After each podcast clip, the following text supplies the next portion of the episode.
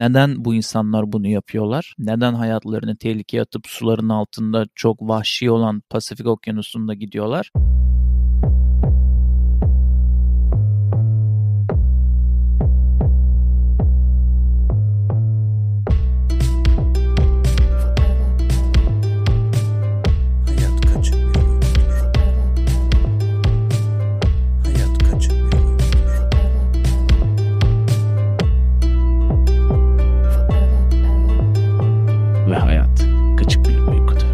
PKBU Podcast'in bir bölümüyle daha beraberiz. Ben Samet, Kaliforniya'da. Mikrofonun diğer ucunda sevgili Nazım Cihan'ım İstanbullarda bizimle beraber. Merhabalar Cihan'ım, ne haber? Merhabalar Samet'ciğim. Ne olsun işte bildiğin gibi. Yuvarladıp gidiyoruz. Sende ne var da yok? E bende de fazla bir şey yok. Şimdi bölüm öncesi seninle birazcık muhabbet de etmiş olduk girmeden önce kayda. Onunla bir keyfiyle beraber bölümü açıyorum. Hı hı. Bu sefer ince belli bardaktan çayını yudumlarken buldum seni. Böyle bir e, çay olayında sana geçiş yapmışız bugün demek ki bölüm eşliğinde. ya dediğin ben... gibi hani bölüm öncesinde ufak muhabbet içerisinde ben çayın böyle dibinde kalan son yudumu da yudumladım. Ben de bu arada çok değişik bir şeyle yine karşındayım senin. Henüz daha ejderha e, suyu, ejderha meyve sulu alev dönerli içeceklere geçemedik daha ama kendi nacizane garajımızda olduğumuz için ama bugün şöyle bir şey buldum bir yerden. E, lavanta lavanta aromalı Oregon Chai Tea diye bir şey içiyorum. Şimdi iz, dinleyenin kafasında bile canlanmamıştır büyük ihtimal. şey, şey gibi değil mi ya böyle hani küçük küçük kağıtlara bir sürü şey yazarsın ve bir kura Hı-hı. çekersin. Hı-hı. Sanki senin gittiğin Dutch Bros böyle bir yerde dönem dönem ay ay ya da 6 ayda bir her neyse çekiyor kuradan işte ne bileyim lavanta çıkıyor başka bir şey çıkıyor falan bunları bir karıştırıp koyuyor ve sen bunu gidip satın alıyorsun. Yani çorba gibi bir şey olmuş artık içine ne bulursalar atıyorlar atıyorlar. Gerçekten ya. Şimdi bölüm öncesinde de birazcık böyle konuşacağımız konuyla ilgili de hafif çıtlatıyorduk birbirimize konuyu. Orada sen biraz böyle bunları söylemeyelim dediğin ama ben sana inat söylemek istiyorum kayıtta. Şimdi çünkü konuya şuradan gireceğim. Konuyu nasıl bulduğuma girecektim. Aylar önce ben bu konuyu sana yazmıştım ortak belgelerimize Narco evet, Subs evet, diye. Evet. Sen de orada narkonun hani narkotik olduğunu ama sabın kafanda çok canlanmadığını söylemiştin. Çünkü onu kısaltma olarak yedek diye geçer İngilizce'de. Burada submarine'i kısaltmışlar yedek evet. yerine. Ama sen de nar- yazmışsın. Evet ben de sap yazdım. Şimdi işin komiği sen aylarca onu nar- yedek narkotik diye bir şey zannedip konuya çok yoğunlaşmazken aslında o narkotik denizaltıydı. Benim dikkatimi nasıl çekti bu konu onu söyleyeyim. 2019'da Vice News benim çok yine böyle takip ettiğim Vice News haberlerinde e, bir narkotik denizaltını sahil güvenliğin Amerika'nın Pasifik Okyanusu'nda ele geçirdiğinin videosunu izlemiştim ben. O aralar dikkatimi çekmişti. Bunu not almıştım bizim için dediğim gibi daha iki yıl önce. Ama şimdi geçen ay başka bir haber çıktı. Geçen ayki haberde daha ilginçti ve yine Vice News'taydı. O zaman alevlendi bu konu. Ben de dedim ki bunu Cihan'la yapalım artık. Hı-hı. Çünkü bu haberde abi The World's Most Sophisticated Narco Submarine Designer dedikleri yani dünyanın en sofistike narkotik denizaltı dizayncısı ve e, yapımcısı olan Oscar Moreno Ricardo'yu yakaladı Amerika. Texas'ta ona bir yakalama emri yani. çıkartılmıştı. Aynen.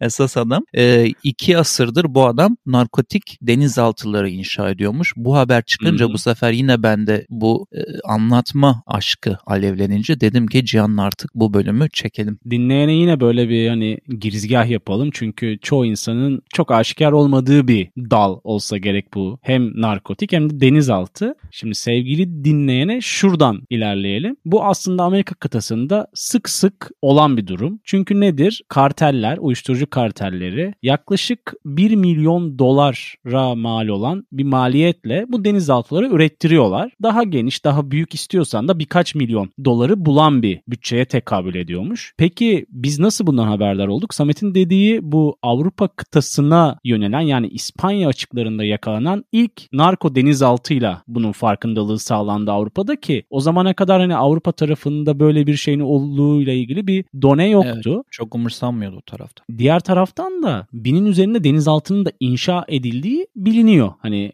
okyanuslarda geziyor bunlar. O da çok enteresan. Yani büyük bir maliyetten bahsediyoruz ama bu kokain özellikle kokain denilen uyuşturucu maddenin transferi için her türlü fedakarlık yapılıyormuş gibi anlayabiliriz. Sana sözü vermeden önce son bir notu da söyleyeyim sevgili dinleyene. El yapımı denizaltılar yaklaşık 5 ton kokain nakledebilecek kapasiteye sahipmiş. Evet birkaç ekleme yapabilirim bu söylediklerim. Birincisi İspanya'da bulunan ilk Avrupa'daki denizaltının Brezilya'da üretildiği tespit ediliyor ve Brezilya'dan İspanya'ya kadar gidiyor bu. Hiç kimseye yakalanmadan inanılmaz bir rota ve inanılmaz bir kapasite düşündüğün zaman el, el yapımı artık diyeceğim ev yapımı da değil el yapımı bir denizaltı. Çünkü ormanlarda evet ya.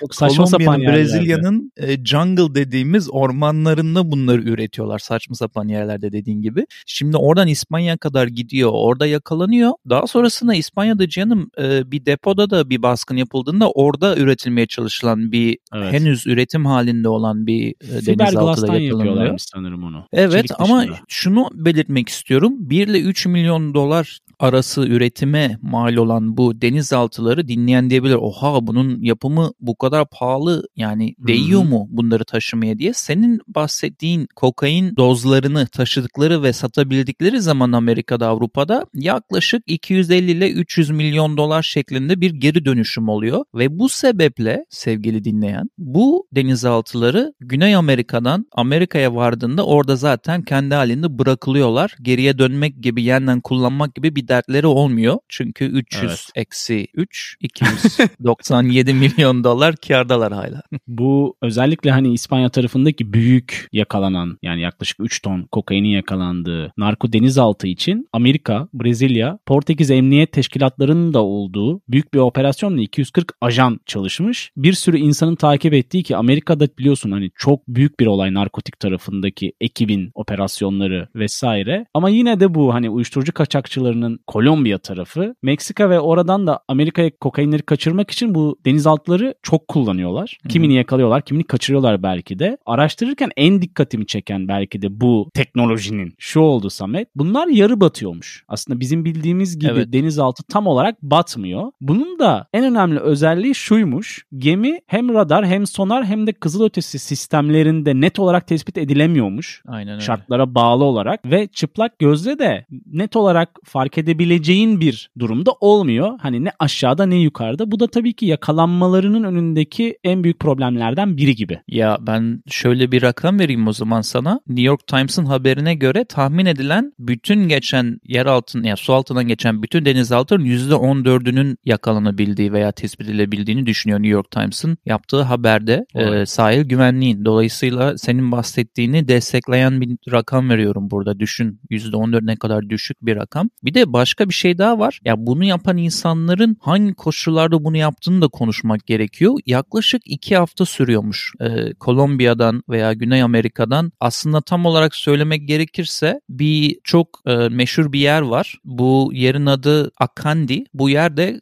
e, Karayiplerle yani Kolombiya'nın Panama'yla tam sınır olduğu bir yerde bir Akandi diye bir yer var. Oradan en çok bu denizaltılarını salıyorlar suya. En meşhur yerlerden biri. Oradan iki hafta sürüyormuş. Şimdi iki hafta sürüyor demek orada uyuman lazım, yemen lazım, evet. tuvaletini yapman lazım. Bu manuel inşa ettiğin şeyin içinde bir ısı, ventilation, bir hava girdisi çıktısı problemi var. Yani çok da insancıl olmayan şartlarda aslında gidiyorlar. Çoğu Hı-hı. kokain paketlerinin üzerinde uyuyormuş. ya. Yatak olmadığı için. Bazılarında var tabii. Bir de senin dediğine ek olarak lafı hemen sana vereceğim. Çok batmıyorlar dediğin en fazla, en sofistike olanın en fazla 30 metre battığını ben okuyabildim. Hani onun dediğin gibi hiç derin değil aslında. Çok hafif batıyorlar, hafif çıkıyorlar ve zaman zaman da su yüzeyinde çıkması gerekiyor çoğunun. Tekrar oradan hava alıp bir şeyler e, yeniden refresh yapıp yeniden inmek için suyun altına. Ya o tekniği büyük ihtimalle zaman içerisinde evrittiler. Yakalana yakalana ya da hani ürettikleri denizaltıların tarzlarına istinaden. Zaten çok ücra taraflarda yapıyorlar senin de belirttiğin gibi biraz Hı-hı. önce. Ve maksimum da sanıyorum 4 mürettebattan oluşabiliyor. Çünkü sığmıyorlar içeriye. Çok evet, büyük bir kişi. deniz altından bahsetmiyoruz. Senin bölümün başında bahsettiğin Vice News videosunda da sevgili dinleyene öneririz. Küçücük bir aslında deniz altından bahsediyoruz. Benim en dikkatimi çeken noktalardan biri de bu hani şeyin dışında hani denizaltıların dışında Amerika uyuşturucuyla mücadele dairesi Avrupa'nın dünyanın en büyük kokain pazarı olarak Amerika Birleşik Devletleri'ni bile geride bırakmış olabileceğini düşünüyormuş. Yani bu şey getiriyor aklıma. Hani bunları sevk ederken yine bu denizaltılarını kullanmış olma ihtimalleri yüksek ki genelde de İspanya'nın en yoksul bölgelerinden biri olan Galicia tarafında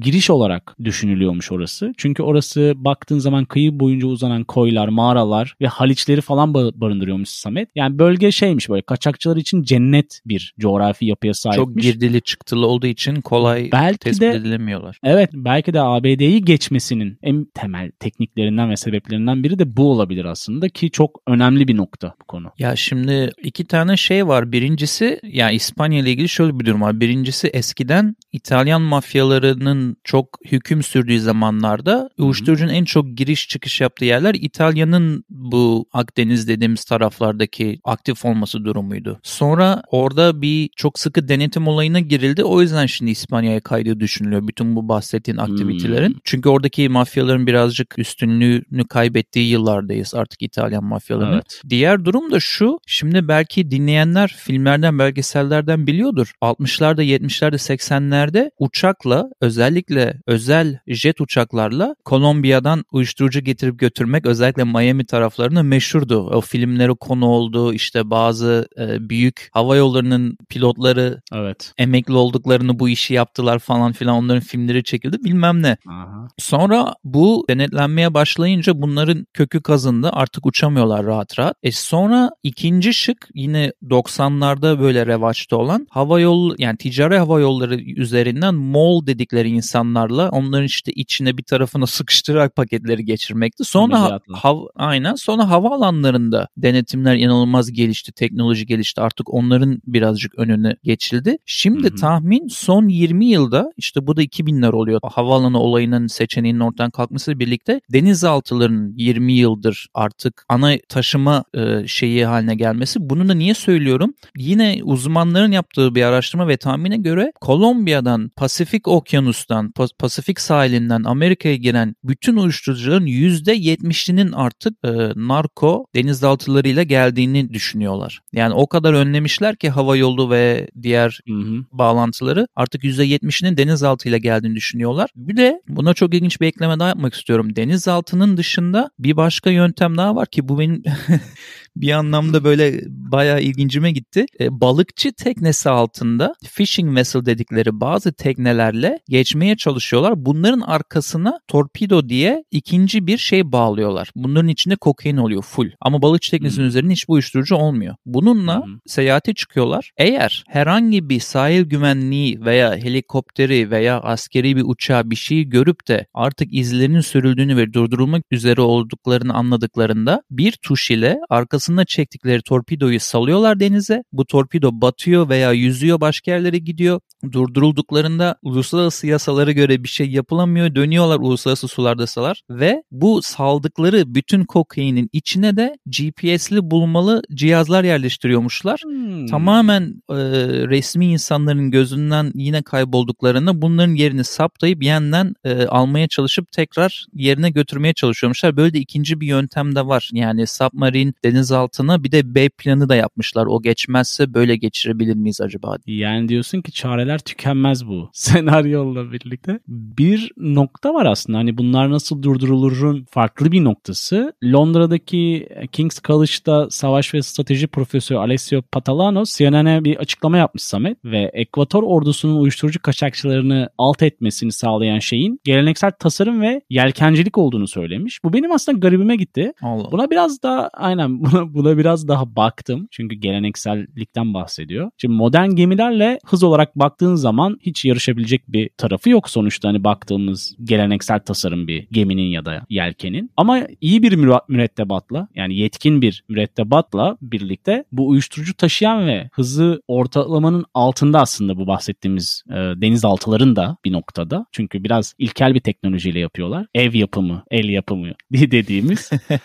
işte içinde yaklaşık 4 4 ya da 3 uyuşturucu kaçakçısının da olduğu tekneye karşı avantaj sağladığını düşünüyorlar ve bu şekilde de bir nebze başarılı olduklarını düşünüyorlar ama yani oran kaç değil mi? Düşündüğün zaman diğer taraftan şimdi Amerika devletine bile %70 civarında bu şekilde sızdıklarını düşünürsek hani devede kulak tanımı herhalde bu örnek için birebir. Yani şu an biraz daha anlamak için soruyorum. Bu bahsettiğin geleneksel e, yelkenlilerle denizaltının önüne mi geçiyormuşlar? Onları durdurmak için mi yapılmış bunlar? Yani evet evet evet. Yani onların hani manevra kabiliyeti de daha düşük Ha, olduğu anladım. için denizaltının o yüzden dolayı doğru ekiple çözülebilecek olan bir problem olarak Yolunu kesme gibi bir duruma girmişler yani. Evet, Rotasını evet, kesme, evet, yolunu kesme evet. gibi. Evet. Hı hı, hı. Ya işin ilginç tarafı bir de bu ormanlarda yapılan denizaltıları nasıl suya salınıyor? Yani bu devasa boyutlardan bahsediyoruz. Bir bakayım dedim. Burada da ilginç yine zekasını kullanmış Kolombiyalı kardeşlerimiz. Onları tebrik ediyoruz. Şimdi orada gelgitler oluyor. Biliyorsun zaten Pasifik Okyanusu'nda meşhurdur Hı bu hı. büyük farklar yaratan gelgitler oluyor. Ormanın kıyısında olan yerlerde gelgit çektiği zaman ve oralar kuruduğu zaman belli bir süre denizaltını hemen inşa ediyormuşlar ormanlık alanda. Daha sonrasında doğal olarak su geri gelip de orada yükseldiği zaman bir anda tamamlanmış olan denizaltını rahatlıkla suyun içinde bulup çalıştırıp operasyonel hale getirebiliyormuşlar. Bu da ilgincime gitti. Şimdi bazen düşünüyoruz ya böyle konuşuyoruz ya çok akıllı insan ama aklını doğru yere koysa şu anda neler yapmıştı diye. uzaya gitmişti uzaya. uzaya gitmiş. Yani bu yokluk içinde nasıl bir varlık onu çözebilmiş değilim. Yani milyon dolar uğruna gördüğün gibi hiçbir şeyden jungle içinde bir orman içinde denizaltı yapabilecek raddeye gelmişler. Bir de az önce çok kısa kestim bunların e, iki hafta boyunca gittikleri şartlara dair. Bir tane tutulan kaptanın daha sonra yakalandığına verdiği demeçe göre şey diyor. Her seferinde 4 kişilik bir kapasitemiz vardı. 3 kişi denizaltını sürmekle kokaini taşımakla görevliyken bir kişi de kartelin bizim yanımıza verdiği silahlı bir adamdı. Eğer bir şikayet, bir baş kaldırı, bir ne bileyim burun kırma, bir kafayı yeme durumu olursa bizi hemen etkisiz hale getirme yetkisiyle e, bizimle geliyordu diyor. E tabi şimdi yani silahla denizaltı için ateş etmek de ne kadar mantıklı onu da bilmiyorum. Kendi topunu sıkmış gibi olacak ama öyle gergin bir ortamda da iki hafta boyunca seyahat etmeye çalışıyormuşlar. E, uyuşturucuyu taşıma babında. Son dipnotu da ekleyeyim. Neden bu insanlar bunu yapıyorlar? Neden hayatlarını tehlikeye atıp suların altında çok vahşi olan Pasifik Okyanusu'nda gidiyorlar? Sadece bir gidiş için sevgili Cihan'ım 3000 dolar almak için yapıyormuşlar. Tabii şimdi sadece diyorum Kolombiya'daki para birimiyle bunları çevirdiğin zaman muhtemelen kendine güzel bahçeli bir ev Evet. alıyordur herhalde. Bir 10 sıfır daha ekliyordur Kolombiya'da o para biriminin yanına. Aynen. Ne öneriyoruz kısmıyla bir kez daha sen dinleyenin karşısındayız. Her zaman olduğu gibi bu bölümde sizinle bazı önerilerle buluşuyoruz ve karşımda Samet var. Bir tane YouTube kanalı önermek istiyorum. YouTube kanalının adı Today I Found Out. Ee, bugün buldum ki diye herhalde çevrilebilir ya da öğrendim ki diye çevrilebilir. Bu kanalda bir eleman çok güzel bir şekilde 10-15 dakikalık sürelerle bazı bulduğu konuları gayet iyi özetliyor. Daha önce ben bu elemanı bazı mega projeler ve başka konularla ilgili radarıma girmişti, izlemiştim videolarını. Bu narkotik denizaltına bakarken onunla da ilgili bir bölüm yaptığını da gördüm. Dolayısıyla genel bir öneri olsun YouTube kanalı. Ayrıca bu bölümle alakalı da izlenebilir. İngilizce ama İngilizce altyazı seçeneği de var YouTube'da artık. Ee, onu önermek istedim YouTube kanalı olarak. Bir de bizim seninle beraber yarattığımız bazen dinleyicinin de katkıda bulunduğu HKBO dinlencesi şarkı listemiz var. Podcast'te önerdiğimiz şarkıları bir araya topluyoruz bilmeyenler için. Oraya da Onur Özdemir isimli kişinin Kurtlu Kuyu adlı şarkısını eklemek istiyorum. Bu yüzünün ekşittiğin ve henüz duymadığın, yine duymadığını düşündüğüm şarkıdan sonra e, sözü sana bırakıyorum. Ya bu arada bu müzisyeni sanıyorum çok kenarlarda sakladın vesaire. Çünkü biliyorsun ki bizim aslında Spotify'da ortak bir playlistimiz de var. Hani son dönemde dinlediğimiz en çok şarkıların falan kombinasyonu ki orada şeyde yazıyor Samet. Hani ikiniz de dinliyorsunuz çok ya da Samet daha çok dinliyor ya da Cihan daha çok dinliyor. Bunu görmedim. Geçenlerde hmm. bir aslında bir spoiler olsun diye böyle bakıyorum tahmin edeceği gibi. Ee, benim önerilerime geçersek de senin bahsettiğin Vice News'un aslında videosu yaklaşık 3 dakika gibi. Onu sevgili dinleyene önerelim en azından neye benziyor görsün. Bölüm notlarına da ekleyelim hatta. 69 milyon dolarlık kokaini yakaladıklarında hmm. onu nasıl boşalttıklarını vesaire canlanması açısından sevgili dinleyenin kafasında. Bir tane daha var YouTube videosu. H.I. Sutton Cover Shores diye bir kanal var. Orada da şeyi anlatıyor. Bu narkotik denizaltıların neye benzediği biraz daha böyle detaylı ve yaklaşık hani 13 dakikaya yakın bir videodan bahsediyorum. Hı hı. Biraz daha kafasında canlanır sanıyorum bu videoları izlerse sevgili dinleyen. İki tane de şarkı var dediğin gibi meşhur playlistimiz için. Bir tanesi Limpesto'dan Bir Düşün. Diğeri ise senin çok sevdiğin ve daha çok How I Met Your Mother tarafında gördüğümüz Proclaimers'ın I'm Gonna Be şarkısı. Bunlar HKVU podcast dinlencesi içerisinde sevgili dinleyenle buluşacak. Alternatif yüklü bir şarkı önerme köşesi oldu diye düşünüyorum. Bu arada evet. How I Met Your Mother'a How I Met Your Father çekmişler. Denedin mi onu izlemeyi? Yani bir 10 dakika denedim. Ben de 10 dakika denedim biliyor musun? Belki de 9 olabilir. 10. dakikayı görmüş ya ben benzer durumdayız tabii. Bu kadar kötü bir şey olabilir mi ya? Buradan yapımcılarına da eğer güceniyorsalar e, özür dilemek istiyorum ama çok leş bir Bu arada hani şey hatırlıyor musun? Geçmiş bölümlerimizden birinde şey demiştin. Bu ilk olacak ama hani ilk defa ne önermiyoruz diye öne, önermiyorum demiştik. Ki şu an hatırlamıyorum Aha. ne olduğunu. O kadar ben bölüm geçtiği için. Bu muhtemelen ikinci oldu hani ne öneriyoruz içerisinde ne önermiyoruz sekmesi. Evet evet evet yeni bir liste yapabiliriz ne önermiyoruz listesi bu kesinlikle Kesinlikle evet, uzak yani. durmanız gereken sevgili dinleyici ve vaktim değerli diyorsanız sakın ama sakın bulaşmayın. Yani bu şey de değil ha senin benim seyir zevkin farklıdır biri sever öyle bir şey de değil. Bunun o kadar alçak ki ortalama kalitesi yani zannetmiyorum çok kişiye e, ses etsin. Hatta zaten bence kaldırılacaktır da yakında yayından. Ya IMDB'de de puanı çok düşük ama ben bir şans vermek istedim açıkçası sevgili dinleyen. Yani ya senin çok ayrı denemesi bedava. Sende çok ayrıydı ama yeri Hava Mature Modern o yüzden denemişsindir diye düşündüm zaten. Şey bir de yeni deyimle gömdük galiba şimdi. Bunu gömme listesine de ekleyebiliriz. Listenin adını gömme listesi koyup yani gömdük birazcık. Haters gonna hate ha.